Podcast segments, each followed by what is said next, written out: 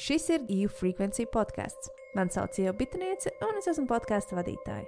Es lasu divas grāmatas nedēļā un aktīvi sekoju līdz tematam, kā maksimāli uzlabot savu dzīves kvalitāti un attīstīt savu potenciālu.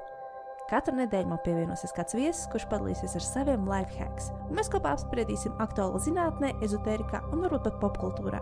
Sarunas bez liekas formalitātes un ar daudz smiekliem. Ah, video mums jau ir. Eit nost. Jā. Mēs esam laivā. Oh my God. Man pirmais jautājums ir šāds. Par ko tu šodien esi pateicīgs? Šodien es esmu pateicīgs uh, īstenībā par, uh, par to, ka uh, es esmu diezgan vesels. Jā, nu, ir, kā, ir, ruden, ir rudens, un rudenī vienmēr liekas, ka kā tu sāc tāds palikt tāds uh, nekāds. Bet mm. Mhm. nu, es par to bišķi tā kā Piedomāju. piedomāju jā, Jā. pirms mēneša, un uh, tagad ir tā diezgan forša sajūta. Jā. Ļoti labi. Jo tā ir tā lieta, ka es zinu, ka visi sāk slimot, ka sāk iet uz skolu. Tīpaši esmu šajā vidē, kur ir skolēni. Tad es vienkārši daru visu iespējamo, lai nesaslimtu. Nevis, oh, my God, es saslimu. Šoks. Tu atklāji peldēšanās sezonu, Ieva. Es atklāju, vakar.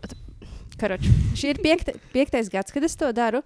Un, uh, es biju pārāk lielu pauzi paņēmusi un pārāk vēlu uzsāku. Man bija tik augsti. Man pirmo reizi tik mm Mhm. -hmm. augsti bija, kad es pirmo reizi peldēju savā dzīvē. Man bija vienkārši viss rāva krampjos un tā kā naglām dūra. Es biju šokā, jo es tā nebiju jutusi. Jo man ir tā, ka ziemā ieejama tā, nu es jūtu, ka man ir augsta, bet man bija sāpīga augsta vakar. Tas pirmais trakākais vienmēr ir, tā, ka tu ienāc iekšā, un tad tev ir tas uh, krūtīs. Vienkārši liekas, ka tev tā kā krūtis sāk sāpēt, un tev liekas, ka bāzās kājas arī nav pieradušas, un tad Mm. rokas sāk salt, un tad beigās viss sāk salt, un tad liekas, ka nav forši. Bet, nu, Mm. jā, tas pārējais ātri. interesanti, ka katram ir citādāk. Man mugura ir tā, kas tā, uh, sāk teikt, ka, ew, what the fuck, what okay. are you doing? Man arī tā kā uh, plaušas, ne, bet Man, krūšas. man, man potītes, jā, mugura. Okay. Man laikam diezgan trekns, potīts un muguļs. Tas man nekad nesalst. Jā. Bet pēc tam ir jā. silti. Jā, Neskatoties. tas O, man- uz- jā. Ma- Man joprojām ir silti kopš vakardienas. tā salīdzinoši. Ok, un tad otrais jautājums ir, uh, un tad mēs beidzam. Ja? uh, laba lieta, ko tu šodien esi izdarījis. Laba lieta. Ah, es šodien uztaisīju, nu, es praktiski visu laiku tā taisu, mums ir tā mājaslapa, mums ir startups kafijas. Un uh, tad es sanāku, ka uztaisīju wholesale sadaļu, bet viņa vēl nav palaista. Un tas tāds, nu, tā kā rīta darbs, ko es izdarīju. Un tas, man liekas, zin, kā, tā ir tāda laba lieta, ka tu kā kaut ko izdari arī produktīvi, normāli dienā. Un, un uh, jā, tā kā Pastāsti tagad par pirmā. savu kafiju. Let's Jā. go, ejam tad iekšā uzreiz kafijā. Bācis ar kafiju īstenībā. Nezinu, kā lai rīktīgi ātri to visu izstāst, bet es ar Nu, kafiju tā kā 5-10 minūtes tev ir? es mēģināšu ātri izdarīt visu. Bet ar uh, kafiju, jā, es jau strādāju, man liekas, kaut kādus 11 gadus. Mm. Un, uh, jā, un tad sanāk, bija ļoti ilgs laiks, kad sanāk no kaut kādā 11. līdz 19. gadam es izgāju cauri, man liekas, uh, pilnīgi visai tai Latvijas kafijas kultūrai, sasūcos uh, ļoti daudz informācijas, apzinos ļoti daudz dažādiem cilvēkiem. Uh, un, jā, un tad sanāk, mācījos gan uh, taisīt kafiju, grauzdēt kafiju, sorsot kafiju, saprast, kādas ir iekārtas, kurām taisa kafiju, kā notiek viss tā uh, biznesa padarīšana bišķi mazāk. Un tad sanāk, ka, jā, tad, protams, viss covid un viss pārējais, tad tas viss kā bišķi nedaudz apstājās. Un tad sanāk, covid laikā es sanāk iepazinos ar uh, draugu jau tagad uh, Šveicē. Mums ir startups Mm -hmm. kafijas grauzdēšanas. Uh, un, uh, jā. Es Nu, ļoti ātri izstāstīju. tas- Super, super īsos Jā. punktos. Okay. Bet uh, atgriežoties pirms 11 gadiem, uh, kā tu nonāci līdz vispār uh, kafijas tēmai? Kāds, man īstenībā bija labāks okay. Ok. jautājums. Bet atcerieties šo jautājumu, būs nākamais. Ja es tev iedotu Jākops kafiju, tu viņu dzertu? Jā, īstenībā Jakobs kafija pašu to kaut kādu malto vai pupiņas īsti nē. Bet uh, man liekas, ka Jakobs bija diezgan, ja nemaldos, man liekas, Jakobs bija diezgan labi šķīsteni. Tā trīs Oh, vienā. wow, Viņa tīri. Wow. Tā kā man liekas, Trīs dienā. trīs vienā, man liekas, ka tā bija visnormālākā no visām tām komerciālām. Vismaz, kur garš ir tāds, Nevis ka neskafē, bet Jākops. Tad, jā. neskafē, nē. Ok. nē Mm. jā, jā. Tur tāda, liekas, zaļā paciņa ar kaut kādu. Jā, jā, jā, jā, jā. jā. Tā, tā ir tīra ok. Nu, viņa, Mm, tā kā, nice. protams, tā kafija, kas tur sitās caur tā garša, viņa nav super, super nice. Un arī tas saldinātāja pulveris, kas tur iekšā ar to pienu, Mm. viņš nav baigi nice. Bet, tā kā, ja gribās tādu āt- ātro fiksu, tad man liekas, ka tas tāds diezgan nice variants. Tad es vairs nejūtos vainīgi, lai gan es neesmu viņu dzērusi kādus 6, 7 Jā. gadus. Jā. Ok, bet tā, tad kāpēc kafija? Tu vienkārši tā kā tāds un tā. Oh, nu, es tā kā, es, es, man, man ir tā, ka es uh, pirms kaut kādiem, jā, kaut kādiem 11 gadiem rīktīgi sāku domāt par uh, vispār veselību un, uh, un kaut kādu performance un sportiņu un kaut ko tādu, jo man tur bija visādas uh, uh, problēmas līdz tam. Un tad sanāk, jā, es vienkārši spēlēju ģitāru. Es spēlēju diezgan tādu, tajā laikā es spēlēju diezgan uh, tādu agresīvu muzonu. Mums bija tāds rīktīgais mm. uh, metāls, viegli izstāstot. Un, uh, Skrīmo? Nē, mums bija tā kā hardcore tāds, mm. bet jā, tur kliedz mums vokālists, jā, jā, mums bija Melnajā piekdienā koncerta un uh, fonofestā un viss kaut kur. Un tad sanāk, jā, un tad man likās, bāc, man vajag kaut kādu kiku, kā, ar ko es varu kā, iedzert, un tad es jūtos kā super enerģisks. Un, protams, ko, tu, ko visi cilvēki dara, viņi vienkārši iet uh, uh, Google, YouTube un skatās, kā vajag kofīnu, kā var dabūt kofīnu ar kafiju, ar tēju. Un tad sākumā es visu laiku dzēru to tēju, sapratu, ka, nu, tēja ir tēja, bet, nu, tējai nevajadzētu būt tādam tā kā uh, tāda veida rituālam, ka viņi uztaisītu tādu nereālu tā kā, novāru nereālajā kefīrā, un tagad dzers to tēju pirms koncerta. Tas nelikās forši, un tad es sāku meklēt visu kaut ko par kafiju. Un uh, tad, jā, tad es uh, dzēru vienkārši kafiju, jebkādu, ko varēju veiklā nopirkt. Un tad es sapratu, ka visas kafijas diezgan negaršīgas. Viņas tādas, nu, kaut kas tur nav ar tām kafijām. Un tad es uh, Facebookā atradu caur kaut kādiem cilvēkiem Ingūru Zeni. Un viņš tāds, jā, protams, labākā kafija, ko dzert, ir ilija. Viņš kā, mm. kā atbildēja, bet viņš no man atbildēja kaut kādā 2009. gadā, laikam, oh, vai kaut kad supersen. Jā. Un, uh, jā, un tad, kā sanāca, pēc diviem, trim gadiem mēs sākām ar Ingūru kopā strādāt dēļ Marta Mielovas, sveiciens Martai. Uh, pirmajā sanāks pašvaldīja kofīšu pār Rīgā, un tad tā arī sākās mans kafijas ceļš. Un tad es uh, reāli tā kā pilnīgi iemīlējos kafijā, un uh, jā, tas bija. Tik skaisti. Sanāk, ka pirmie kofiju šofi bija tikai 2009, 2010. Nē, bija Vai- pirms tam, protams, pilns bija dažādiem, tā kā uh, bija kofijas šopi, bet, protams, visur vienmēr ir tā, Bet tie bija kanniņās kaut kādās, ne? nē, ir tā kā, tāda kā tagad. taisa. vienmēr ir, nu kā ir kaut kāda, es nezinu, kas pirms tam bija tāds klasiskais kosta, piemēram, Jā. kosta kofija. Un tā kā tie visi ir ā, tādi commercial commodity kafijas, čēni, uh, kur, tā kā, ja runā par specialty kafiju, tad uh, specialty kafija, lai viegli izstāstītu, tas ir kā kafija, kas ir ar ļoti maz defektiem, un kur tu vari izsakot pilnīgi visu, sākot no fermera līdz pat kā tev viņi atnāca līdz krūzītājai. Grauzdētājs, fermers, piegādā, piegādāšana, audzēšana, ražas apstākļi, viss, viss, viss. Un tad sanāk tās visas kafijas, viņas tiek vērtētas ar speciālu cilvēku palīdzību, kas ir Q-grēderi. Viņas tiek novērtētas no 80 līdz 100 punktu skalai. Tātad mm. 80 punktos jāiekļaujas, lai tā būtu speciāla kafija. Un beig beigās sanāk tā kafija, kas ir no tiem 80 līdz 100 punktiem. 100 punkti nav vispār nekad. Nu, tas neiespējami vispār.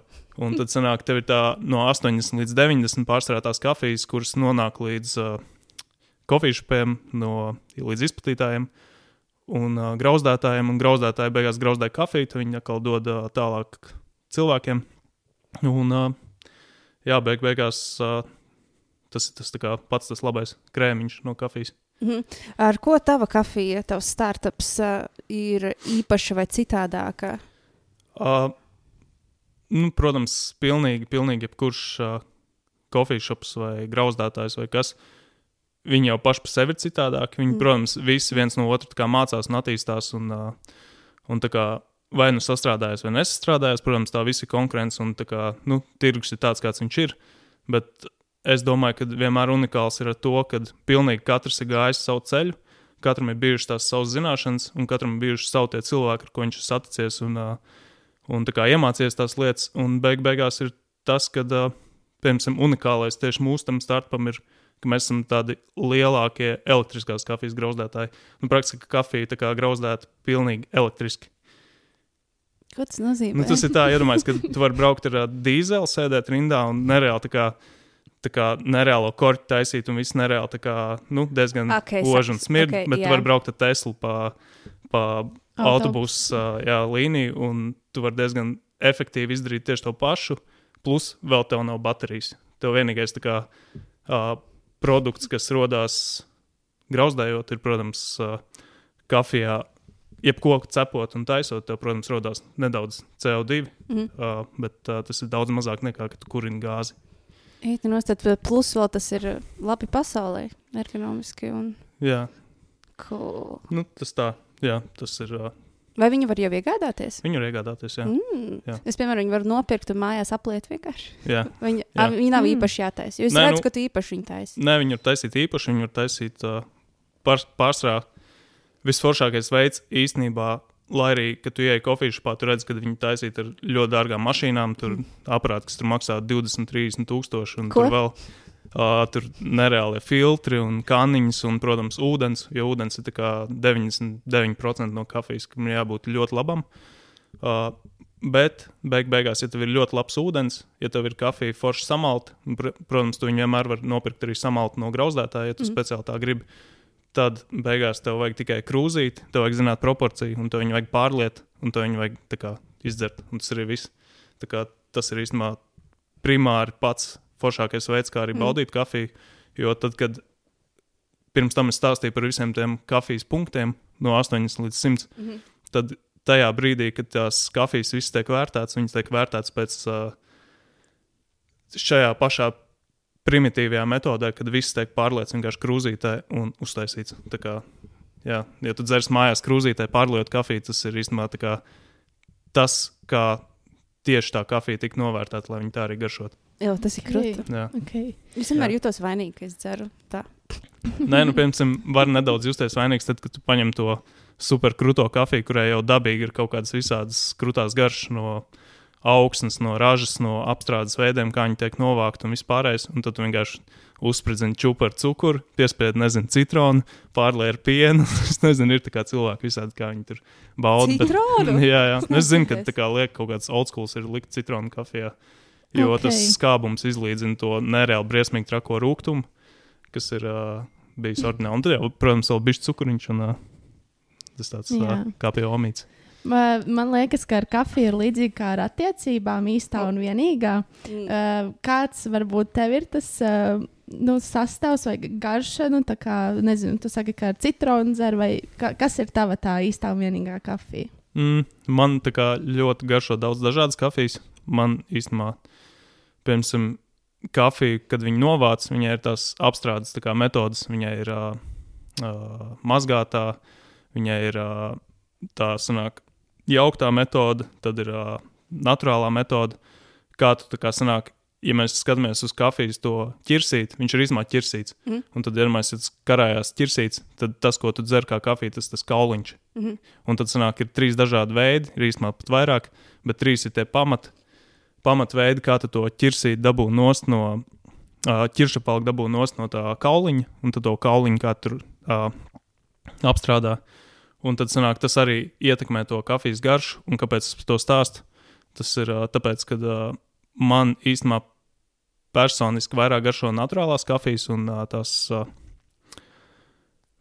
tā tipa garšas, jo tas ir, iedomājieties, ja tā kafija, nevis tiek mazgāta tādās tā kā, lielās silēs, kur tiek atdalīts ķiršapauks, bet viņi tiek kā turēti ar visiem tiem ķirsīšiem saulē, tad tas cukurs kā sasūcās tajos kalniņos, Mm. un tad viņi sanāk tiek atdalīti no tā ķirs, ķirš, tā kā kauliņa nostas ķiršpauks, un tad sanāk viņi tādi super sacukrojusies, un tad viņi sanāk viņi nograuzdē, un tad viņi tā kā pagatavo, un tad sanāk, jā, tā kafija ir daudz tāda saldāka, intensīvāka, nedaudz viņai bieži vien viņai nav tik tīra garša kā tām mazgātajām, bet, uh, jā, praktiski, kad skaties veikalā, speciāli kofīšu pusi īpaši, ja tu redz, ka tur ir uh, uh, natural vai uh, washed method, tad sanāk, tu paņemot to natural, tu zinās, ka tur ir tāda bišķi, funkīgāka, jaudīgāka tā kafija.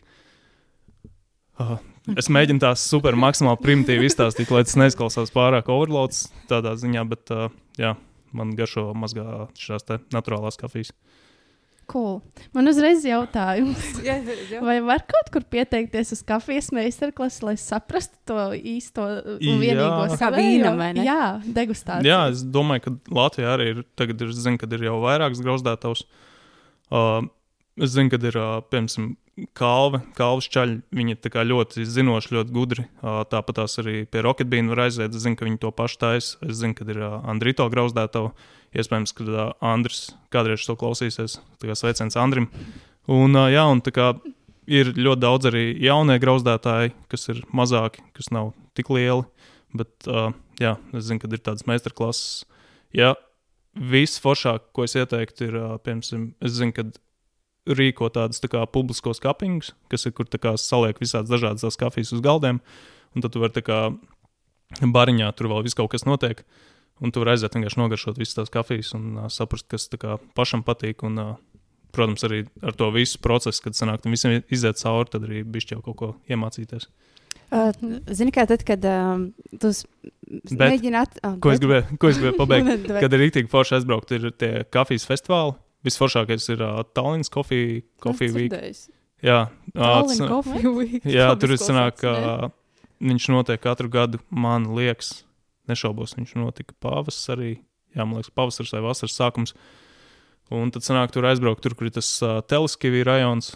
Nu, praktiski tur tas foršais, viss tur tā Mm. kofijas šopa veikliņa, viss kaut kas. Un tad sanāk tā visa pilsētas daļa, viņi tā kā pārtop par uh, tādu milzīgu tā kā kafijas festivālu, kur tu ej visās tajās vietās, visur notiek kaut kādi pasākumi, uh, konferences, izstādes, uh, visi grauzdētāji sēžat vienā vietā, tur no Baltijas viss kaut kas piedalās. Tā kā, jā, tas tāds labs, labs. Ja sanāk kādreiz būt tajā laikā Tallinā, tad iesaku. Var taču ie, iemesties mašīnā, Jā, aizlast. tur nav Tieši gribēju jā. teikt, mīļie Jā. kafijas baudītāji. Mums ir uzdevums. Jābrauc. Braucam ar autobusu. Tas, ko es gribēju teikt, tad uh, tagad mēs pērkam smaržas, un uh, lai mēs dabūtu nost to smaržu, mēs smaržojam kafiju, vai ne? Un tagad mēs dzeram vīnu, tad mums dod kaut kādas sieras, vai kafija ir kaut kas klāt īpaši, lai labāk justu viņas garšu, vai arī otrādāk. Ja tu gribi vairākas kafijas pagaršot, kas nosit garšu, lai labāk izbaudītu nākamo kafiju. Mm, es tagad mēģinu saprast jautājumu. Okay. Uh, bet, Uh, uh, nu, piemēram, ir tās degustācijas, desmit kafijas. Jā. Piemēram, viens no variantiem ir kaut kas, ko tu ēdi klāt, kas mm. -hmm. papildina to garšu. jā, jā. Un otrs ir, kas nosit garšu, lai tu izbaudītu Jā. nākamo Nākošo, kafiju. jā. Mhm. Nu, piemēram, jā, labs veids ir, uh, kas nosit kofīnu, ir, piemēram, banāna un maize. Tas ir tāds, lai tu banāna esi- maize tu esi- tu pār, pārdzēries kā kafiju, tad tu vari tos, tos divus no tām lietām iest. Bet uh, otrs ir, jā, kad uh, pats lielākais, kas nosaka to kafijas uh, uh, garšas maiņu, ir ūdens. Piemēram, mm. tu vari uztaisīt uh, vienu kafiju ar ūdeņu sastāvu, kas ir perfekts priekš kafijas pagatavošanas, mm. kuram ir visas tās uh, uh, minerālu vielu daļiņu, tas. Uh, uh, Mhm. Es mēģinu tā kā izstāstīt īsi. Šķiet, ka mēs tāpat nesaprotam. Jā, bet praktiski ūdens, kurš nav ciets, vai ūdens, kurš nav pārāk mīksts, bet viņš ir tajā vidus, uh, Mm. mm. vidusvietiņā. Un tad sanāk, ka tāda veida kafiju tu izdzer, tev viņa garšo tā, kā viņai vajadzētu garšot. Bet tajā pašā brīdī tu vari paņemt uh, avotu ūdeni. Uh, Mm. Nezinu, no meža, un tev liekas, ka, oh, jā, šis būs tā kā nereāli, tur spirituāli, tur uh, kafijas dzēriens. Es tur tagad no tāda un tāda avota paņēmu to ūdeni, un es tagad taisīšu to savu nereāli dārgo foršo kafiju. Un tad tu uztaisīji to kafiju un saproti, bāc, bet tā kafija vispār negaršo tā, kā viņa garšo veiklā. Tas tikai tāpēc, ka tam avotu ūdenim ir ļoti daudz, piemēram, klāta dzelzs, minerāli, mm -hmm. kas ir disbalansā ar to, kā, kā vispasaulē tiek taisīta tā kafija, kofijas puses. Es ceru, ka es atbildēju uz jautājumu, bet pastipri, pastiprināšana, jā, Mm. pastiprināšana un tā kā tieši tā garša zaudēšana visticamāk ir arī ar ūdeni iespējama. Vai ūdens jāvāra līdz 100 grādiem? Uh, Ja Te ir apēst? ļoti daudz, kā super daudz informācijas, kuru varētu būt arī ko, kā iz- izstāstīt arī kādā meistarklasē. Tad, laikam, nē.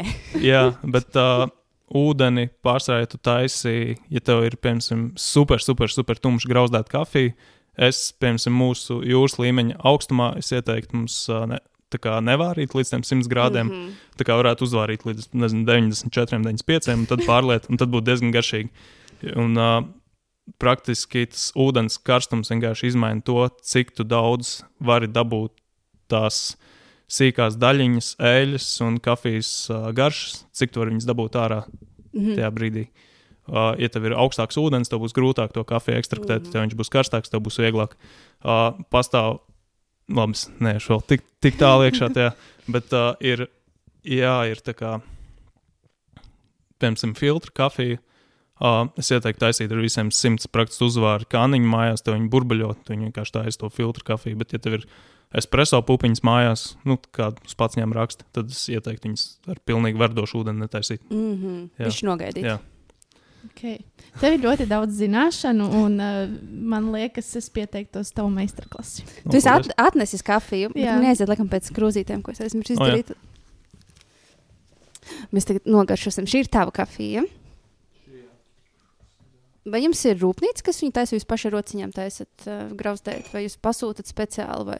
Paldies. Ok, es laikam pārāk sarežģītu jautājumu sāku uzdot. Nē, nē, nu kā rūpnīca jau nav rūpnīca. Ir, uh, rūpnīca, es tu pats grauzdētājs. Mm. Tu esi tas, kas uh, tas bija uztais jautājums, to kafiju dzeram, ieliek paciņā un nogādā cilvēkam.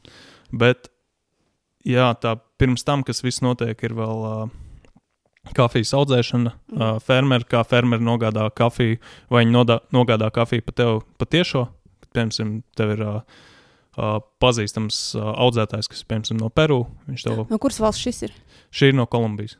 Mm. Šī ir tā, tā kā, ja piemēram, daudz zina, kas ir arabika, jūs mm. varbūt zināt, kas ir robusta. Jūs Ā, varbūt tu gan nezini, es zinu. Robusta ir uh, viegli izstāstīt uh, sajūta ziņā. Ir, piemēram, tu aizēji uz uh, staķiku, tu paņem uh, kafiju, un tev kafija tā kā garšo pēc, uh, Ūdens? ben, Pēc- pēc ūdens, benzīna, cigaretēm, visas tās trakās garšas. Tad tur visticamāk tajā kafijā ir ļoti liels uh, robusts uh, īpatsvars. Bet ir arī garšīgs robusts. Bet, uh, Vienkārši robusta, kā tas kafijas ķirsīts, viņš ir daudz uh, padavīgāks augšanai. Uh, zemākos apstākļos viņam nevajag tik uh, augstu to Kurš lētāk? karču lētāk, jā, daudz lētāk. Mm -hmm. Jā, jā Un, man tieši tā, ka kafija ļoti negaršo. Jā, nu, nu viņam ir. ā, Jā. Tu dzer tikai melnu kafiju. Mm, jā, pārsvarā tikai melna mājās, bet uh, kaut kādos okēžos arī uztaisīt kaut kādas uh, kortādo, uh, makiato man garšo. Kortādo. Jā.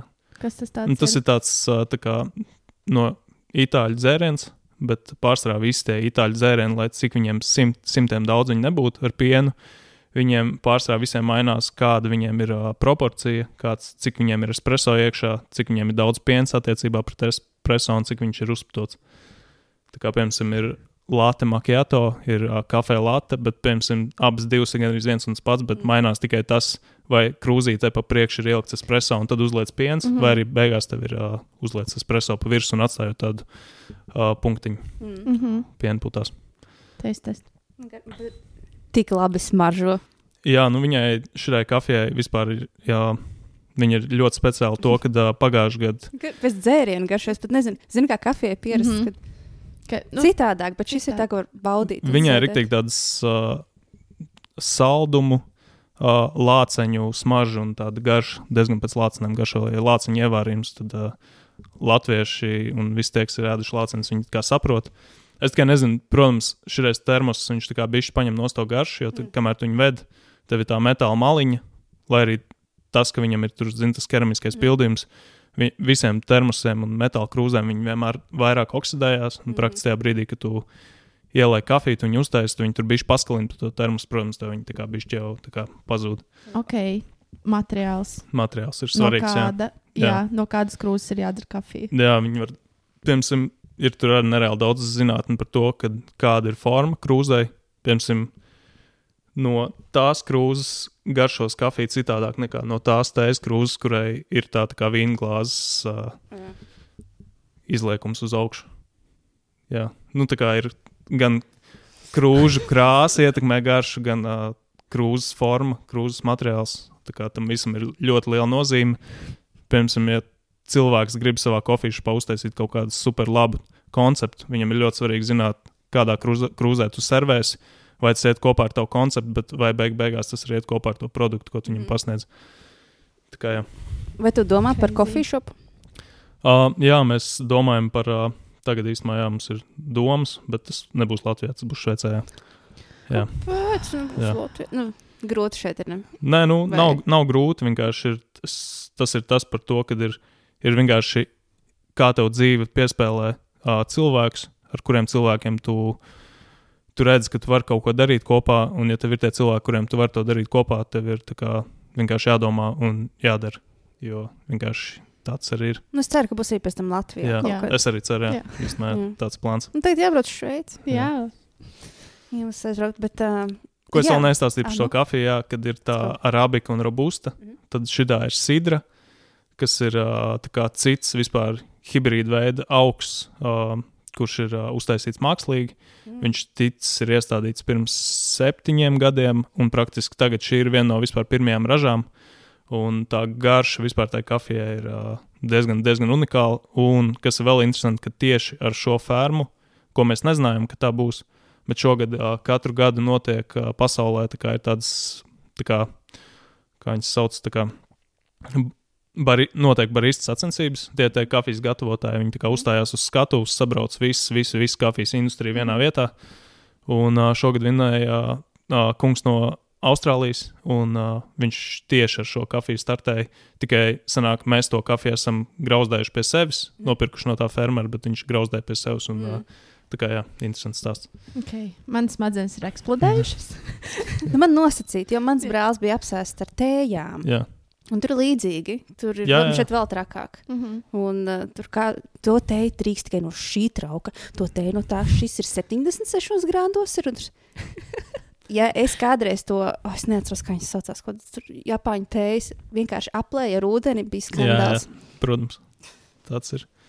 Bet, uh, jā, ar kafiju īstenībā forši tas, ka tu vari kā atrast pilnīgi katram cilvēkam, kā viņam garšo un kā, kā to uzlabot beigās. Un, uh, kā ja kādam liekas, ka bācis man nekad tur kaut kas nesnāk, tad vienmēr to kā uzlabot. Man liekas, ka tam jābūt tādam, tev vismaz kā es to redzu, kad kā, nu, tā kā, uh, es savā laikā arī tā kā sanāk, esmu tiem 11 gadiem izgājis cauri tik daudzām fāzēm, ka tev liekas, ka pilnīgi viss tev ir jākritizē, un ka tev pasniedz uh, kafejnīcā kafiju, un tev tagad apmēram jāsāk džudžot viņš un jādomā, kāpēc man šitā izdarīja, mm. kāpēc man tā kā servē to uh, krūzīti ar pirkstu iekšā krūzē un nu, nepaskaties tur uz mani un kaut ko tādu. Bet īstenībā beig beigās man liekas, ka vispār tā kafija ir par to, kad, uh, kad ir jādomā vienkārši par to, kā to produktu cilvēkiem padarīt pieejamāku, bet tajā pašā laikā domājot arī par to, lai nevis tikai mūsu paudze viņu varētu dzert, bet arī mm. lai tālāk varētu nākamās paudzes baudīt tikpat garšīgas kafijas un varbūt labāks. Šī ir tāda, kurai neprasās piens. Mm -hmm. Jā, viņi ir tāda mm. ļoti, ļoti. Viņi ir gaišāk grauzdēti, viņi domāta uh, filtru metodei, un, ja tu viņai, piemēram, pielikt klāt pienu, tev pazustu vispār tā, mm. gan tā sulīgā garša, un tas piens vienkārši nomāktu visu to. Mm. Un, ja, protams, būtu ļoti daudz kafijas ļoti maz piens, tad vienkārši garšot pēc skāba piens varbūt nebūtu tas labākais. Šī Jā. kafija pati par sevi ir tāda ļoti maiga. man Jā. liekas, tāda. Kur to var iegādāties? Jā. Ne, ne, nebūs plugina nekāda, bet mums ir, mums ir jā, 400 mg kofija roasterī CH. Mm -hmm. Jā. Let's go. Jā. Vai Es tūlīt iesim uz citu tēmu. Vai, vai Jā. tu gribi nobeigt šo vēl kaut ko par kafiju? Jo es tagad tieši uz Kaut kas, kas mums ir jāzina. Obligāti. Nu, tā nav nekas, bet uh, jā, tas es īstenībā jau pateicu to, ka uh, vienkārši forši, ka cilvēki dzer kafiju. Un, uh, un, uh, man liekas, ka kafija ir diezgan tāds unikāls produkts, ka viņš ir gan. Viņam ir ļoti daudz labas iezīmes. Viņam, protams, arī slikts iezīmes, ja tu pārdozē ar kafiju, bet uh, tādā industriālajā laikmetā un sanāk vispār to kafiju, tu vari, tu viņu var uztvert tik daudz dažādu. Viņu var uztvert gan kā, kā fashion, gan kā vienkārši savu kaut kādu daily driver, gan kā rituālu, gan kā. Tā kā jā, tur ir Tu viņu dzer kā pre-workoutu? baigi nē, īstenībā. Man, man kafija ir vienkārši, es pamostos no rīta un man ir tāds kā rīta zena rituāls, ka tu, tev ir viss tāds iestrādāts, tu kaut ko pamaini, tev ir uh, dažādas jaunas kafijas, pieņemsim, un tad viņas visas var tur pagaršot katru dienu. Un, Es mīlu kafiju. Okay, tad uh, par tevi. Uh, tieši es Martai teicu, lai to papēta un izdomā jautājumus. Un viņa teica, tu esi tik daudzpusīgs, es nezinu, ko uzdot. Līdz ar to tu tiešām daudz dari un daudz kur esi. Un tu varbūt vari nosaukt uh, lietas, ko tev patīk darīt un kas ir tavas profesijas. Jo man šķiet, ka viss, ko tu dari, ir un es mēģinu. Jā, hobiji, nē, bet. Uh, praktiski Nu, visi man mīļākie hobiji ir. Uh, es viņus mēģinu uztaisīt kaut kā pa savu profesiju. mm -hmm. jo man ļoti iedvesmoja uh, mans ops. Viņš uh, tā kā visu laiku bērnībā, kad viņš stāstīja, viņš stāstīja, jā, es tur biju kā boxers, tur tajos un tajos laikos, jā, rekur ir mans medaļas, jā, mēs tur sitāmies pa pirmajām vietām, bet tajā pašā laikā es uh, izmācījos par advokātu un labi gāju tā kā. Mm. Kā advokātam, jā, bet tajā pašā laikā es arī kaut kad sadarīju tādas sliktas lietas, bet tajā pašā laikā es arī tur braucu ar kuģi, man tur bija labas tiesības noliktas un vēl vis kaut kas. Viņš man visu to bērnībā stāstīja, un es domāju, kāds ir iespējams viens cilvēks. Viņš kā, viņam tik daudz tās puses, ko viņš ir iemācījies. Viņam nereāli patika daba, viņam patika, patika medības, viņam patika uh, makšķerēs, un viņam patika visu kaut ko taisīt rokā. Viņš taisīja nāžus, cirvis, visu, Mm. nu, tā kā visu no, no metāla taisīja. Tajā pašā laikā viņam bija ļoti labs tāds uh, vispār skats uz dzīvi, kad uh, tiešām cilvēkam, kad pieeja klāt un viņam kaut ko uzdod jautājumu, viņš pilnīgi kā māca atbildēt. Mm. Protams, tas ir tāds vispār gols pēc kā tiekties. Mm. Bet tajā pašā laikā, jā, vienkārši es kaut kā mēģinu izbalansēt, piemēram, ja tev ir uh, lieta. Es sapratu to tajā brīdī, kad es uh, vairāk sāku ar to kafiju strādāt, un kad es sāku spēlēt uh, grupā Triansparks. Nu, mums bija ļoti daudz koncertu, un es sapratu, cik nereāli labi roku rokā tas iet ar uh, to kafiju. Mm. Jo tu vari vakarā tā kā, tā kā uzlādēties no cilvēkiem, kā nospēlēt koncertu, un tev ir liekas tā, ka tu neaizies gulēt. Bet nākamajā dienā to visu to enerģiju ielikt iekšā tajā uh, kofijas apmaiņā. Vienā vakarā spēlē, nezinu, pozitīvs uh, kaut kādā steigā, un nākamajā rītā vienkārši taisīsi kafijas cilvēkiem un uh, stāst savu pieredzi. Un uh, tā kā ar tām visām lietām vēl klāt tagad ir nākusi kā fotografija, video, ir uh, sports vienmēr bijis ļoti svarīgs, uh, lai to visu izbalansētu. Un, uh, jā, un tās visas lietas, tu viņas mēģini kaut kā sasaistīt, bet tajā pašā laikā, jā, Nu jā, bet sports arī ļoti interesanti, jo tu dažreiz vienkārši ieraksti. Šorīt rītarosim 300 km ar riteni. Nu, jā, tas, man tas, jā, tas ritenis, uh, tie, kas uh, plāno sākt braukt ar riteni, jūs, tā kā, ja jūs tā kā nopērkat riteni un ieliksiet Instagramā, ah, es tagad izbraucu ar riteni, jums noteikti uzrakstīs kādi desmit cilvēki un pateiks, ej, bet kāpēc tev nav tādas velo zeķītes, ej, bet kāpēc tev nav šitāds ritenis, ej, kāpēc tev nav šitāda ķivera, tu tāds brīls, vai kāds bija tavs ātrums, kāds bija tavs keidens, es tāds, pa ko tu runā, es braucu ar riteni. Bet uh, tad beig beigās foršākais ir tas, jā, kad uh, ar to riteni vienkārši atkal bija tāda tā kā, mm, vienkārši notikumu, notikumu sakritība, kad uh, pagājušajā gadā es uh, gatavojos kāpienam uh, Monblānā. Kā Un jau mēs bija- visi. Jā, tas bija tāds, uh, vienkārši bija apļā dzimšanas diena, sapratu, ka ir jāizdara kaut kas uh, priekš sevis. Un uh, gribās kaut ko nevis vienkārši tur tusēt vai kaut ko, bet gribās tādu, nu, vienkārši saprast, tā kā, kādā, kādā stāvoklī es dzīvē esmu, vai es varu kaut ko izdarīt, nu, tādu jaudīgāku. Un, uh, jā, sveiciens uh, Liepiņu pārim, kas, uh, kas uh, to vispār parādīja, kā to izdarīt, un uh, ar kuriem kopā bija gods to izdarīt. Un, uh, jā, un uh, sanāk, lai sagatavotos tam kāpienam, vajadzēja atrast kaut kādu labu veidu, kā pēc. Uh, es biju tādā bišķi Covid šeipā. Mm. Nu, varbūt es nebiju tādā labākajā savā kardio performancē, jo es visu laiku eju uz zāli un, uh, un trenējos jau, man liekas, jā, kopš tā arī kaut kāda 11, 10 gada aktīvi. Bet uh, tad es vienkārši sapratu, ka vajag atrast kaut kādu vieglu kardio veidu, kas man nebeidz kopā ceļus. Un, uh, man skriešanā vienmēr tas, ka es noskrienu kaut kādus nezinu, 20 km un man vienkārši ceļš sāk padoties. un Tas ir uh, ļoti nepatīkami. Ja Mhm. tev pēc tam nākamās trīs dienas liekas, ka tev ceļš neiet vairs tur, kur viņiem jāiet. Mhm. Un tad es uh, vienkārši sāku braukt ar uh, riteni. Man bija fiksīts. un Es vienkārši paņēmu to riteni, mēģināju pēc kaut kāda YouTube tutoriāla salikt visus tos augstumus, sēdeklim, visam, visam, visam. Un, uh, jā, tad es pirmo reizi izbraucu 50 km. Sapratu, ka uh, ir diezgan grūti, bet diezgan forši. Un, tā kā nevar saprast, tev tas uh, runners high vienā brīdī ieslēdzās. Un, uh, varbūt kādam no jums, jums ir bijis runners high, kad skrien. Un, Nu, no jebkāda treniņa, ko tu taisīsi, tev Nu, vienā dejās, brīdī jā, tāds, jā, jā. oh, jā, tāds rīktīgi forši pacelājošs Mhm. sajūta. Un uh, tur bija vienkārši tā, ka tu brauc to riteni, tev liekas, ka tev ir grūti, un tev vienā brīdī tā sajūta atkal parādās, un domā, oh, nē, ir diezgan forši, un tad tu brauc atkal, tur brauc nākamos 20 km. Un, uh, un uh, tā, jā, un tad nākamajā reizē nobraucu jau kaut kādas 140. Es vienkārši uz, uzkāpu uz riteņa, braucu līdz Madonai. Un tad es, uh, jā, tad es sapratu, ka ah, nu, varbūt ir vērts ieklausīties tajos savos draugos, kas man raksta, ka vajag īstenībā kaut kādas velo kurpītes, velo pedāļus vai kaut mm. ko Mm. Um, tad, jā, tad sākās vienkārši tā visa vasara līdz tam Monblānam. Es diezgan daudz nobraucu to riteni, un es esmu rīktīgi priecīgs, ka to darīju, jo tas man rīktīgi palīdzēja vispār, nu, gan ar aklimatizāciju, gan ar uh, vispār spēku. Un es to somu un uh, kāpu tajā kalnā. Un tad, uh, jā, tad uh, plāns radās, ka šogad jānobrauc kaut kāds vēl lielāks brauciens tieši ar riteni. Un, uh, un tad es arī tam trenējos paralēli visam šovasar. Un tad šovasar bija tādi sveiciens uh, Aleksim, uh, mužniekam. Ar viņu mēs braucam visus tos uh, garos gabalus.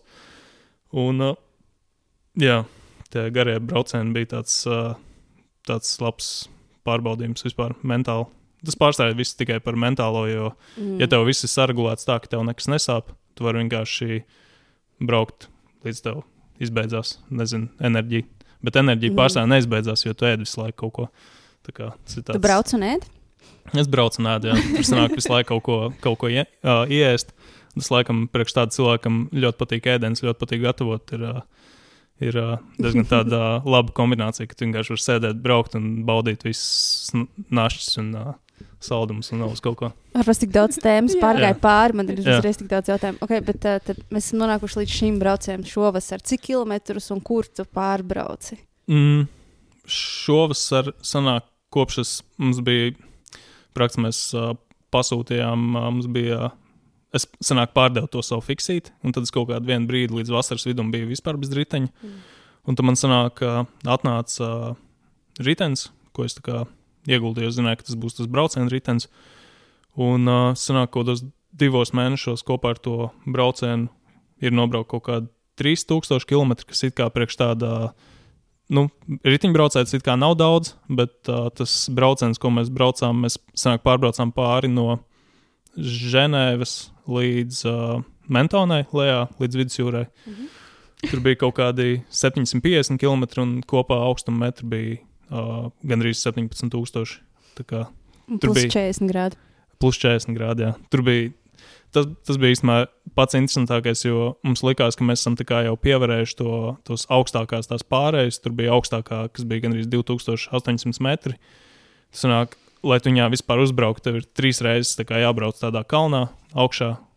Diezgan tā simboliski, jo pagājušajā gadā, lai uzkāptu Monblānā, arī bija jābrauc tādos tā kā trīs jākāpj mm. trīs pēsos augšā, lai tu beigās tiešām uzkāptu tajā kalnā, jo tas kalns ir īstenībā vilnīts. Mm.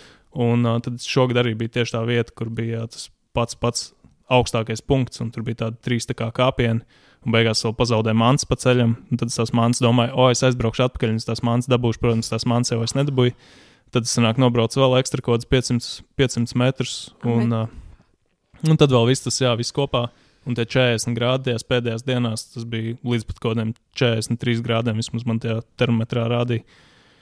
Un, uh, jā, un uh, tās pēdējās dienas bija tādas, kad uh, it kā tu brauc pa tādu zināmu vietu, kur daudz sportisti brauc, daudz riteņbraucēji brauc. Bet mēs tajās četrās dienās varbūt kaut kādas uh, 6, 7 riteņbraucējus redzējām vispār, mm. jo visi vietējie teica, ka vietējie šajā laikā nebrauc. Un, laikam, arī tie turisti, kas bija atbraukuši vienkārši ar riteņiem, tie mēs nevienu neredzējām praktiski. Ties. Un tam mums bija tā, ka mēs minējāmies blakus un domājām, mums tā kā, ko mēs te darām, kāpēc, kāpēc mums te jābrauc. Bet nu, vienkārši uzlikts tas astoņas dienas, tas kā uh, krājas uh, līdzekļus, lai tu varētu mm. par tur aizbraukt. Tev ir visas tās uh, palikšanas vietas, sarunāts un vispārējais. Un tad tu, jā, tad vienkārši minēs un uh, izbaudi laiku ar uh, savu čomu. Es vienkārši visu dienu jūs braucat, vienkārši bez apstājas. Nu, nu, tu tu... apstājies, jā, ik pa brīdim kaut kādas bildītes. Jā, man jā. bija tā, ka man bija kamera līdzi, un es gribēju arī kā, sev bišķīt pārbaudīt, vai es varētu, piemēram, aizbraukt, ja man būtu jābrauc līdz uh, profesionālam sportistam. Es nezinu, vai es varētu mm. ātri to izdarīt, bet man gribētos kādreiz uh, tiešām braukt līdz kādam cilvēkam, kam vajag to, un kā, vai es varētu tikt līdz tam.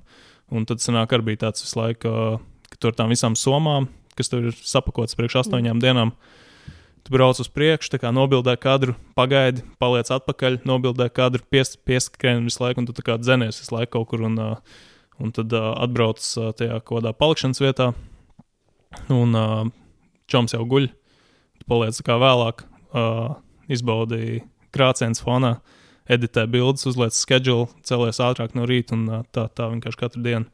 Tas Hustle. bija tāds hasls, jā. Nereāli. Man ir tāds klasiskais jautājums. Es ap, gandrīz saprotu, bet uh, es zinu, ka daudz cilvēku nesaprot to, kāpēc tas ir vajadzīgs. Kāpt kalnos, kaut kur braukt, sevi tā izaicināt. Vienkārši tagad ar riteni astoņas dienas, vienkārši močī 40 grādos, vienkārši likt sevi ekstrēmās situācijās. Vai priekš tevis ir šis uh, paskaidrojums, kāpēc tu to dari? Mm, jā, nu, tā kā man liekas, ka jo tu vairāk uh, dari kaut kādas grūtākas lietas, neejot pilnīgās galējībās, jo tu vienkārši vari vairāk izdarīt uh, tās lietas, kur tev vajag uh, galvu izmantot. Nu, kā, piemēram, ja tev vajag taisīt kaut kādu projektu, vai tev vajag, nezinu, stundām ilgi sēdēt, editēt kaut kādu video vai kaut ko.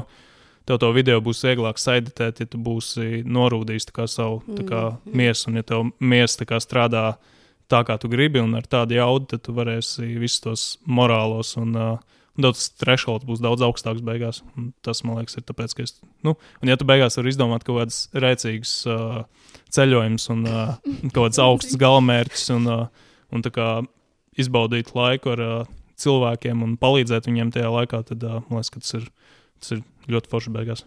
Mhm. Es Jā. tieši vakar ieliku tādu video, kad, nu, jo stiprāk, jo smagāk ceļam, jo vairāk mēs varam. Nu, jā, kaut kā, kaut kā tā arī beigās ir. Mhm. Tev sanāk daudz uh, ceļot, tā tad, ja? Tu, nu, Ne tā, ka Es- baigi daudz, bet nu, kaut, Nu, kaut kur sanāk salīdzinoši. salīdzinoši. Jā. okay. jā. Kas varbūt ir tāds uh, spilgtākais ceļojums, ko tu atceries, uh, vai izaicinošākais uh, Mhm. no visiem, ko tu esi piedzīvojis?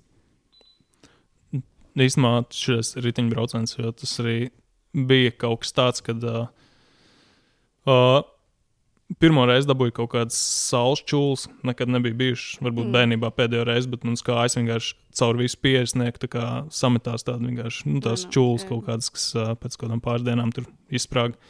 Tad, protams, tev ir visas klasiskās kaut kādas riteņbraucēji, noberstajās dibens traumas, kur tev vienkārši tu it kā jau no rīta pamosties, super, super optimistiski sasmērēs jau tur visu ar speciālajiem krēmiem un vispārējo. Bet uh, vienkārši septītajā dienā tu brauc un saproti, ka tu vismaz jau krevels sāk nākt no vienas vietas. Un tad uh, tev tā kā jātur vēl tas gars un jāpriecājās par uh, apkārt skatiem un uh, jānofočē viss un jādomā, kā to visu saliks kopā. Un, uh, jā, nu tāds uh, morāli un pēc varbūt jā, pēc patērētajām kalorijām varbūt iespējams grūtākais. Bet īstenībā pagājušajā gadā arī Monblāns bija diezgan, uh, diezgan emocionāli grūts, jo sanāk, bija jābrauc ar cilvēkiem. Tikai viens cilvēks no tās komandas bija, kurš beigās arī nebija manā sasait, sasaitē. Sanāk, tur ir tās tā kā bariņi pa trīs vai pa diviem cilvēkiem. Un sanāk, tu kā par diviem pilnīgi nepazīstamiem cilvēkiem, kurus tas iepazīstas tikai tajā brauciena laikā. Un tad sanāk, tev ir kaut kāda viena vieta, kur tev ir uh, ļoti, ļoti slīpa, tāda gan arī jau ledus siena. Es zinu, tos Tad- Tad uh, tu esi kaut kādā, ja tu pasties, tu vienkārši kā kāp. Skaties, fonā ir uh, nereālākā Norvēģijas zemeļblāzma kaut kāda, ko tu redzi no Itālijas. Tā kā no, ne Itālijas, bet no Francijas. Un tur patās vien ir. Tu kā skaties tālumā, tu redzi, ka tur vienkārši tā tās zemeļblāzmas ir tāds pilnīgi mistisks skats. Un tad tu pasties uz leju, tev ir kaut kādi 800 metri, pilnīgi tā kā, nu, gandrīz kritiens. Un uh, tu vienkārši kāp pa tām cirpnīšiem, kuriem tu nesen iemācījies vispār kaut ko tādu darīt. Un tu zini, ka tie komandas biedri arī ir tādi paši diezgan svaigi gurķi, kas kā nav baigā alpīnisti vēl joprojām. Un tad tur visiem tiem uh, pats kā gurķis un uh, komandas biedri arī tādi zaļi. Tu vienkārši kāp augšā un domā, kas tagad notiks, un tu pasties, ka priekšā vienkārši vienā citā sasaitē uh, vienkārši čels paliek, uh, viņam kāja izslīd, tad viņš paliek tikai rokā. Un tu zini, ka īstenībā ok, tā vieta tur ir. Mēs izmantojam arī jau tajā vietā tās ledus skrūves, lai tas būtu drošāk. Bet tāpat es nedomāju, ka kādam baigi gribētos tajā brīdī, kad visi trīs cilvēki sāk slīdēt lejā vai paraujās lejā, un tu domā, kā tikt atpakaļ augšā. Un, uh, nu, tādas, jā, tās, tas bija tāds. Un morāli tas laikam bija visgrūtāk, jo kā tu kāp ar vienkārši jā, nepazīstamiem cilvēkiem, un tu nezini, kā viņi reaģēs tajās Mm. situācijās. Un, Tas nebija arī tas laiks, es ziņās redzēju, ka kāds iekrita no latviešiem. tieši pēc nedēļas, jā, Pēc tieši tajā nedēļas, jā. vietā, Jā. kur es teicu, ka bija tā jocīgā Tad vieta. es uzzināju par to vietu, un es redzēju arī bildes un Ok. vidus, un tur vienkārši. O, Nu, jā, tā kā tas, tas bija jā, tāds, tās divas, divas lietas. Jā, Fizi- neizdzīvoja. jā, sap- jā. Fiziski šis pēdējais bija grūtākais, bet uh, ar riteni, bet tā kā Bet tur ir uz dzīvību. Tur bija nāvi, Maraļņiks, jā. Oh my God. Un tev jāuzticas svešiem cilvēkiem ar savu dzīvību. Mm. Tas ir krēsli. Tu pirms tam minēji, ka tu sāki nopietni pievērsties sportam veselības dēļ. Kas tev bija veselība? Uh, es nezinu, kā tagad, piemēram, cilvēkiem nosaka dažādas, uh, dažādas kā, diagnozes un visu kaut ko. Bet tajā laikā es domāju, ka vēl joprojām daudziem nosaka, ka ir uh, veģetīvā distonija, ka Jā, tev praktiski tas ir, tas ir tev uz visu dzīvi. Un uh, man bija tāda situācija, kad es biju ar mammu pie uh, ārsts uh, kabinetā. Viņa teica, jā, mēs tur visu uztaisījām.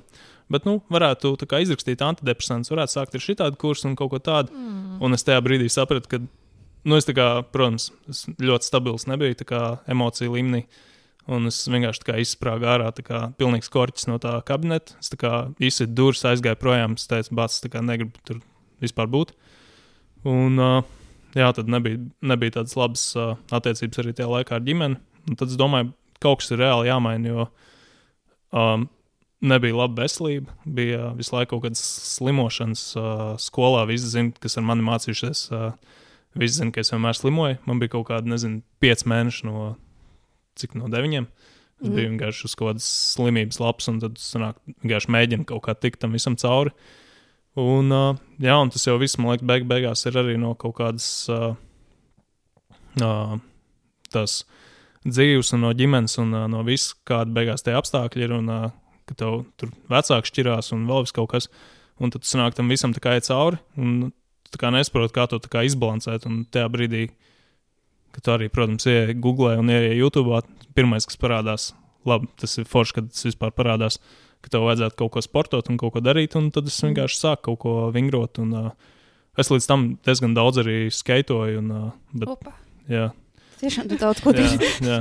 Bet tajā laikā, kad es skaitoju, tad man nebija tāda labā veselība. Tad es vienkārši nu, katru rītu tā pamosties, apēdu konfliktu pienu, vakarā Mm. atnācu mājās, apēdu uh, makaronu ar sieru, un tā ir tava diēta visu gadu. Tas, tas ko tu gan ir izēdis laiku. Un, uh, tad, jā, tad sanāk, uh, vienkārši sanāca vairāk. Uh, forši bija tas, ka man bija, uh, bija vēl joprojām ir labs draugs uh, Oskars no skolas. Uh, viņš, es redzēju, ka viņš vienmēr tāds tā kā super smaidīgs, super veselīgs. Viņam tur, zin, iesauļojies plēts milzīgi, vienkārši satrenējies, domāju, wow, ko viņš dara. Un viņš atnāca ar mani tur uz zālīti, aiziesim uz džimu kaut ko, es tāds, ok, labējam. Un tad es aizgāju, un uh, sanāk, es tagad trenējos vairāk nekā viņš, un ir tā kā tāds Mm. pārgājis, pārgājis laiks. Nu Jā, kaut kā tā.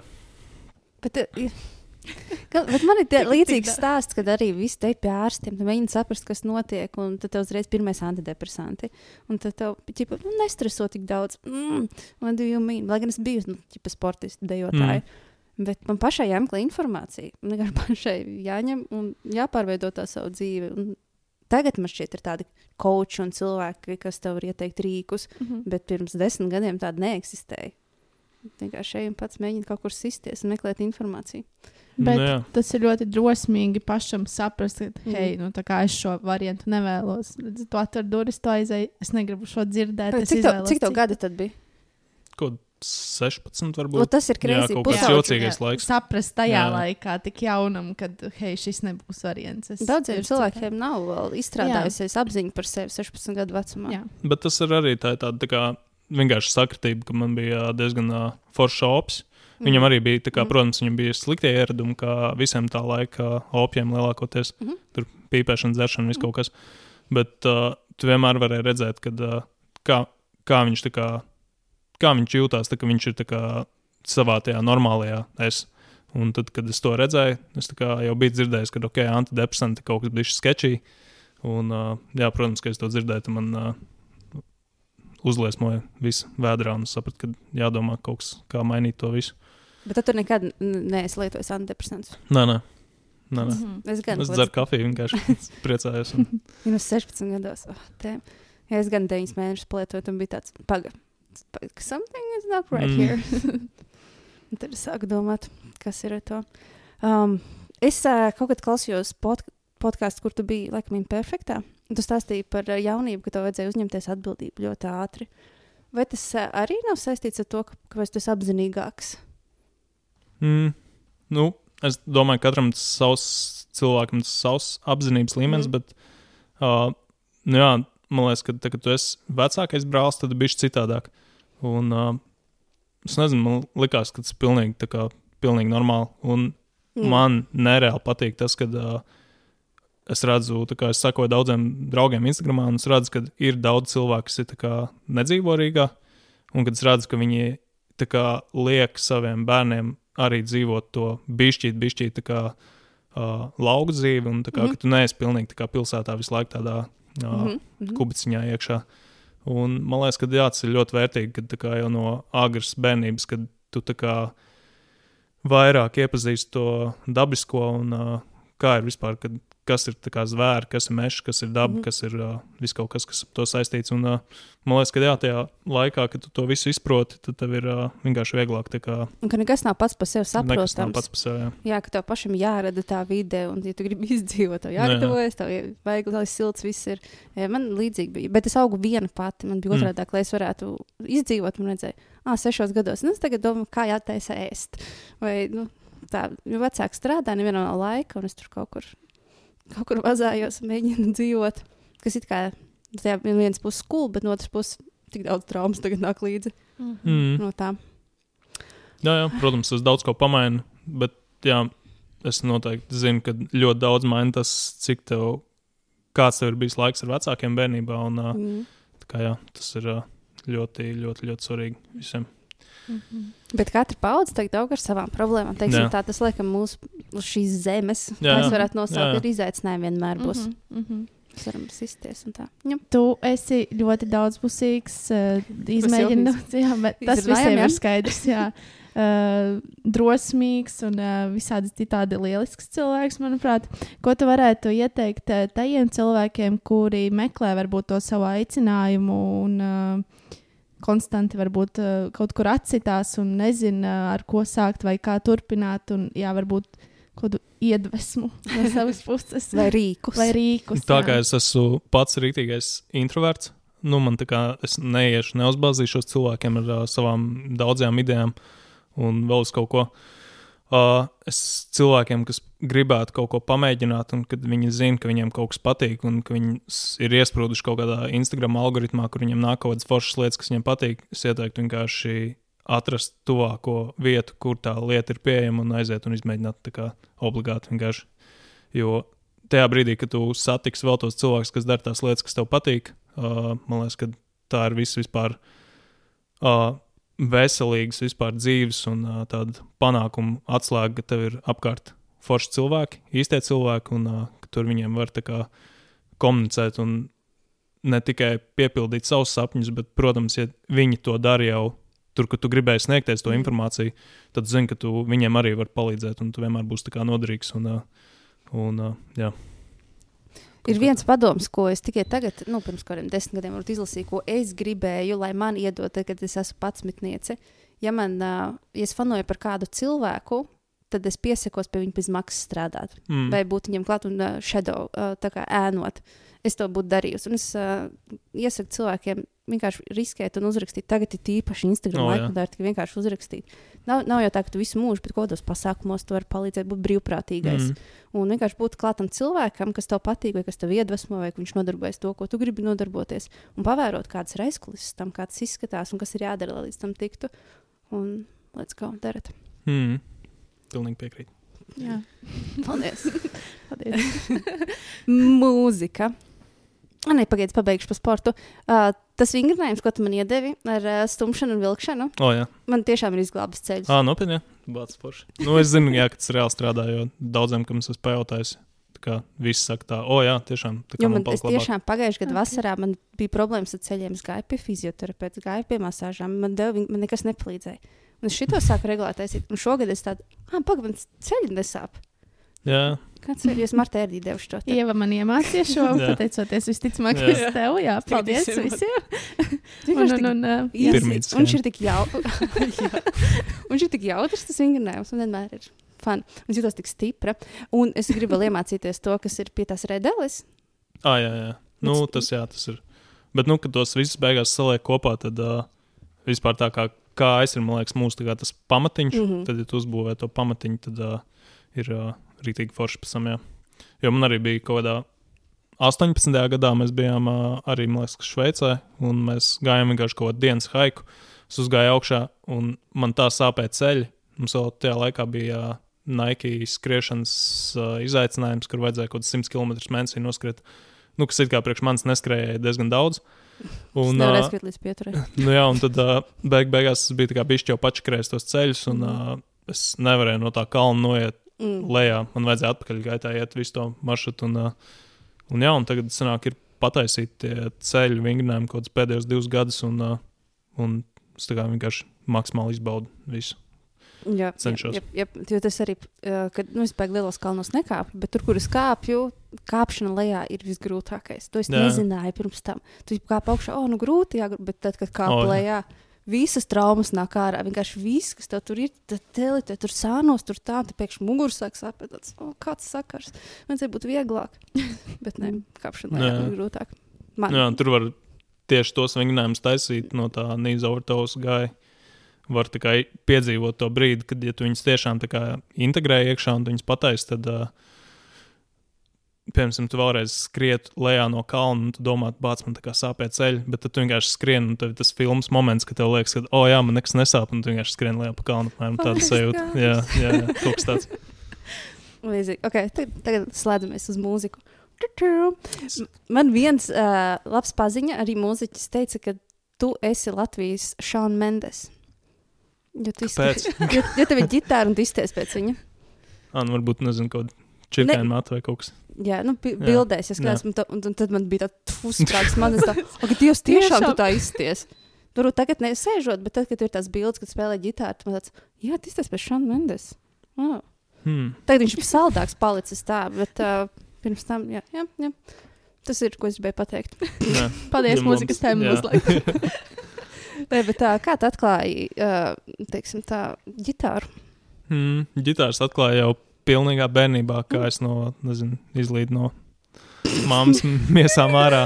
Jo manā māmā nereāli labi spēlēja ģitāru. Jo tajā Oh, brīdī, kad es uh, jau biju pilnīgi sīk, sīks, viņa spēlēja man visas uh, latviešu hipiju dziesmas pie gultas un uh, kalniņa dziesmas. Un, uh, uh, viņa nereāli labi akustisko ģitāru spēlē. Tikai sveiciens mammai. Un, uh, bet viņi man vispār neļāva spēlēt to ģitāru. Viņi zināja, ka es viņu vienmēr atskaņoju. Es kaut ko daudzīju, tur raustīju tās stīgas, nemācēju apieties par to instrumentu. augusts vispār. rašiem. Nē, nē, nē. Nu, es mēģināju būt, bet uh, man ātri aizdzina projām no tās ģitāras. Bet uh, tad, tam, kā es nonācu līdz tai gičai, bija uh, pilnīgi rēcīgs stāsts. Es daudz skaitoju, un es pie operas biju tieši, man liekas, ka izlauzis divus pirkstus, un uh, man bija rīktīgais ģips uz rokas. Un, uh, es, uh, mēs ar čomiem izdomājām, jā, tagad ir tik daudz, nereāli daudz tās grupas, kas mums patīk, un jā, vai taisam grupu. Un, uh, mēs aizgājām uz muzikas veikalu, un uh, bija tā, ka uh, man uh, pēc, vienkārši pēc tāda principa, ka. Ah, tev mūzikas skolotāja teica, ka tev normāls ritms ir. Vai tu būsi bundznieks? Es tāds, jā, es būšu bundznieks. Un tad aizgāju uz mūzikas veikalu un es paskatījos uz bungām kaut kādu 300 latu. Es domāju, nu jā, točs būšu bundznieks. Un tad es paskatījos uz ģitāru. Ģitāra maksāja lētāk kaut ko 25. Un tad es, uh, Tik lēti. jā, 25 latu bija kaut kādā pilnīgi parastā neilona Jā. ko varēja dabūt. Ar Kas plasmasas bija- stīgām. Jā, viņi bija plasmas neilons stīgām, un viņi bija pilnīgi sakaltus, nelietojami, nespēlējami. Bet uh, jā, tas, tā bija mana pirmā ģitāra, un tad sanāks, es tās ģitāras mācījos uh, pirmās dziesmas, un sanāk, man tikko kā noņēma ģips pēc divām nedēļām, man liekas, mēs uzstājāmies skolas popielā jau ar, man liekas, kaut kādu Blink-182 cover vai kaut ko tādu. Bet dzīvē jau populāra. nevis Jā, jā, bet tā kā- praktiski Mhm. mē, Cover- mēnešu cover laiku. ko- jā. Popielas bija. Foršs. var arī taisīt tā. Nu, Jā. Cik forši, cik skaists, silts. Uh, Un, un, un, un, un, un Trijāns parks. Kā tu tur nokļuvis? Jā, un Trijāns parks bija arī kaut kāda vienkārši saga, uh, sagadības pēc, kad uh, mēs uh, te ir, var atsisties uz to, ka uh, vienmēr kā, jābūt ar tiem cilvēkiem, kuriem tu gribētu būt. Un tā es tā nonācu savā tajā pirmajā grupā, ka mēs pilnīgi nejaušības pēc uh, satikāmies vietā, kur arī mums bija kā ar vienu citu cilvēku kopīgas tās uh, intereses par uh, mūziku, par ģitāru. Mēs uh, uzdāvinājām vienam draugam uh, uh, sametās tur visi cilvēki kaut kādu arī lēto elektrisko. Un es tajā balītē arī biju atbraucis ar elektrisko. Es domāju, ka es viņam noteikti parādīšu, kā tur viss salikt un kaut ko. Mm. Un uh, pilnīgi negadījumi pēc satiku savu uh, vecās grupas uh, uh, uh, draugu, arī Arthuru. Un mums bija vienkārši tas filmas moments, kad, oh, jā, mēs abi tagad sākam spēlēt viens pret otru, un mēs tur mēģinām parādīt visu, ko katrs māca. Un viņš arī tā kā rītīgi labi spēlēja, un tad sanāks ar viņiem iepazinos, un mēs sākām spēlēt uh, grupā un uh, sataisījām dziesmas. Un, uh, un uh, jā, mums bija tas smagās mūzikas periods, un uh, tad, jā, tad kaut kādā veidā Kristaps vai Agnēs vai Edgars, vai man liekas, ka Edgars bija redzējuši, kad ir tāds. Uh, strautiņš, kas lec cilvēkos un krata galvu un, uh, un rīktīgi spēlē ģitāru. un tā viņi bija. Jā, mēs tā kā agrāk mēs tā kā nu, rīktīgi spēlējām to smago mūziku, kas lec iekšā cilvēkos. Es ar viņiem mošoju kopā, es spēlēju ģitāru. Es gāju ārā, es kā kāpu kaut kur skatos, kaut kādās konstrukcijās un visu kaut ko. Un tad uh, sanāk, uh, jā, tad viņi bija. Daudz kā... redzēs, kā tu uzstā, uzstājies šobrīd. Tu nē, nē, tagad, nu, tas, jā, tas ir bijis citādāk. Man ir dažu šobrīd. Jā.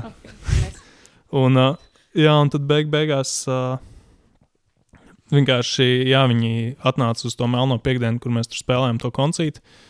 Un tad uh, Kristaps man uzrakstīja, uh, sveiks, vai tev būtu laiks uh, tur nu, paspēlēt, varbūt uh, iemācīties dziesmas. Mums, mēs meklējam ģitāru trījus parkam. Un es domāju, o, oh, jā, un tad es, uh, bija kaut kāds posms, kad uh, sanāk, no tās smagās grupas bija pagājuši kaut kādi divi gadi, kad mēs jau nebijām baigi aktīvie. Un tad sanāk, bija trijāns par uh, laiks, kad uh, o, man tā gribas aizteikt. Un, uh, jā, un tad sanāk, bija uh, Kristaps, viņš tā kā pateica. Uh, nāca spēlēt, tas bija kaut kāds 14 gads, un uh, tajā laikā es tiešām biju rītīgi ar kafiju iekšā. Un uh, tajā kafijas laikā brīdī, kad strādāju tajā kofīšu pāri, bija kaut kāds pārmaiņas periods, kad es strādāju kaut kādā arī 6 maiņas nedēļā, bet tās maiņas nebija tur 8 stundas vai 6, bet tur bija kaut kāds 16 stundas citreiz. Mm. Tā kā tu praktiski dzīvo kofīšu pāri. Un tad es domāju, oh, jā, man tā kā piedāvā spēlēt to ģitāru. Es tā kā rītīgi sen saistīts ar ģitāru un uh, gribās samācīties un kaut ko. Un es pilnīgi nesagatavojos, aizgāju uz uh, to mēģinājumu. Un, uh, protams, es tā kā tās dziesmas biju aptuveni iemācījies. Un tad Kristaps pēc tam pateica, nē, sorry. tā, kā, tā kā nē, nebūs. Un tad bija kaut kāds moments, kad uh, viņi spēlēja ar uh, vienu citu ģitāristu. Un tad viņi saprata, ka uh, arī nebūs. Un tad Kristaps vēlreiz uzrakstīja, ja varbūt tomēr kā, grib nu, kā, saņemt sev rokās un tiešām iemācīties tās dziesmas. Un tad es domāju, ok, labi, jāiemācās. Un tad, jā, man rīktīgs paldies Kristapam, kad viņš tajā laikā man izvilka tā no tās. Kaut kādas, nezinu, kā to sauc, kad tu mūzikā vienkārši nespēlē mūziku. Un viņš, jā, man tā kā bija tā tāds sensējs. Mēs mm. abi divi reizē gan arī sākām gičs mācīties atkal no jauna spēlēt, jo viņš visu laiku bija bass spēlējis, bet viņš mm. nebija tik daudz gičs spēlējis. Un tad, jā, tad mēs kopā tur mācījāmies tās dziesmas, visādas tehnikas, visu kaut ko. Un uh, tad, jā, tad bija ļoti ātrs tas pārējais periods, kaut pāris mēneši. Tad bija jau pirmā dziesmu sesija ar Triāns parku, un tad jau bija kaut kāds šis te pirmie koncerti, un tie koncerti bija vienkārši tā, ka viens pēc otra 15. gadā. Mm, tad bija tas pīks. Tur bija, jā, tur bija ļoti, ļoti aktīvs tas pausars. Crazy. Nu, tagad jautājums, tas ir, kad mums nav tik daudz laika. Uh, Bet tu atceries pirmo uzstāšanos Trijānas parkā? Tas bija tā kā, wow, daudz cilvēku, visi dzied līdzi. Kāda sajūta? Es mēģinu atcerēties to. Ah, okay. Es īstenībā, jā, atceros, bija, man liekas, kad mēs spēlējām saldu, ja nemaldos. Bija tā kā sanāk, tā Trijāns parka jaunā EP tūrīte, kas bija pa visu Latviju uztaisīta. Un man liekas, ka tas bija saldus, ja nemaldos. Bet jā, bija diezgan, diezgan daudz cilvēku. Un viss tā jau arī tā Latvijas tūri bija tāda super, super aktīvā. Es atceros, ka bija tāds labs, labs laiks. Ļoti patika. Arī tas noslēguma noliktavas koncerts bija diezgan, diezgan foršs. Kāpēc tu nelicis cilvēkos?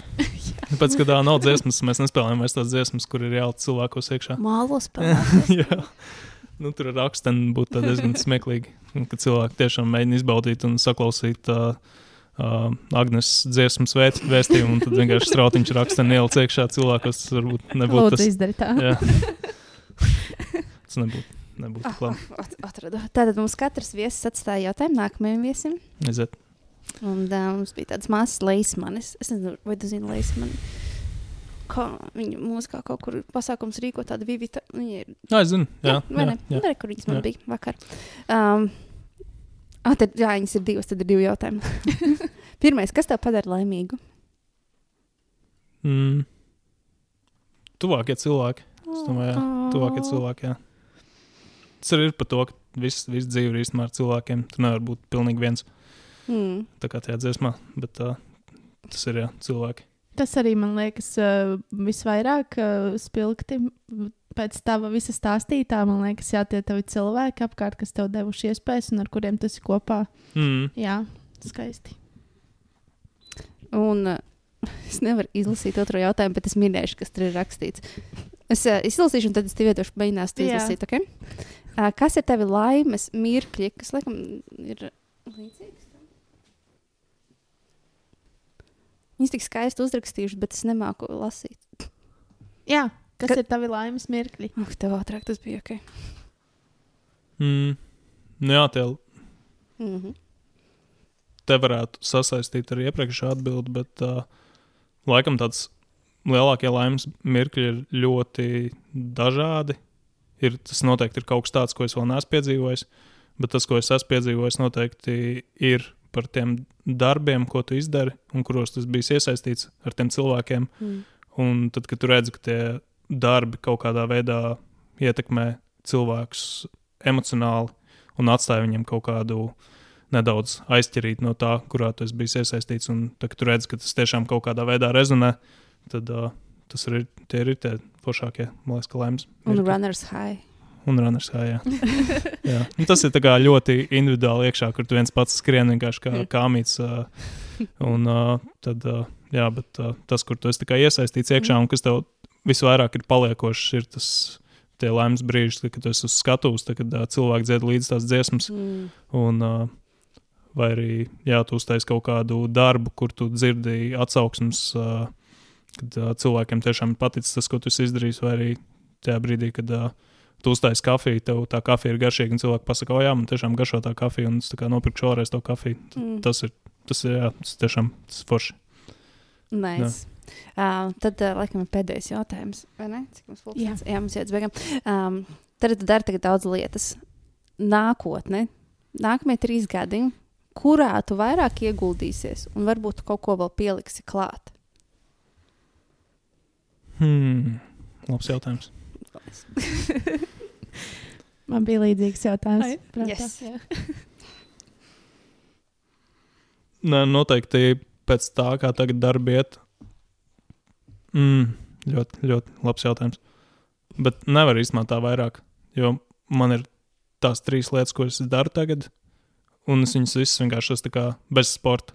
Viņas Mm. visas ir tā kā pakārtotas, ka man ir laiks, kurās es varētu teikt, ka mūzika ir atkarīga no tā, kā mēs grupā visi kopā Mm. mm. strādājam. Ja mēs Mm. visi satiekamies kopā, un ja mēs visi kopā satiekamies, tad mēs taisām mūziku. Mhm. Bet es tajā pašā laikā visu laiku mājās spēlēju giču, lai man būtu tas tā kā, nu, vienkārši treniņš jā. ka tu neesi pazudis, ka Mhm. tu paņemsi ģitāru un domās, bācis, es nemāku vairs spēlēt. Mm. Uh, foto, video un kafija. Es domāju, ka tas ir tās divas lietas, kuras es gribu pušot vairāk. Mm. Uh, jo tas ir vairāk atkarīgs individuāli no manis. Vismaz es to tā tagad Jā. redzu, ka tieši tāds arī ir. Un, uh, jā, Jauns skills, maybe. mm, jauns skills. Gribētos, uh,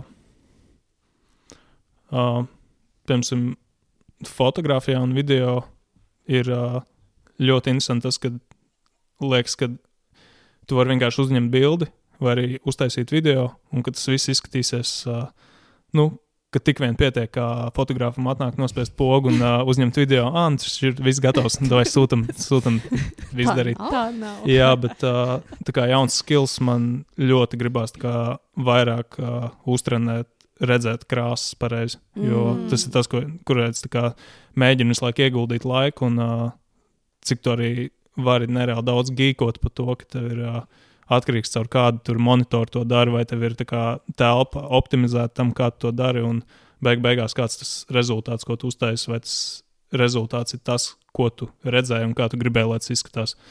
Nu, tas ir tāds tā kā skills, ko es trenēju, bet uh, es tur vispār vēl neesmu tur, kur es gribu būt. Kā.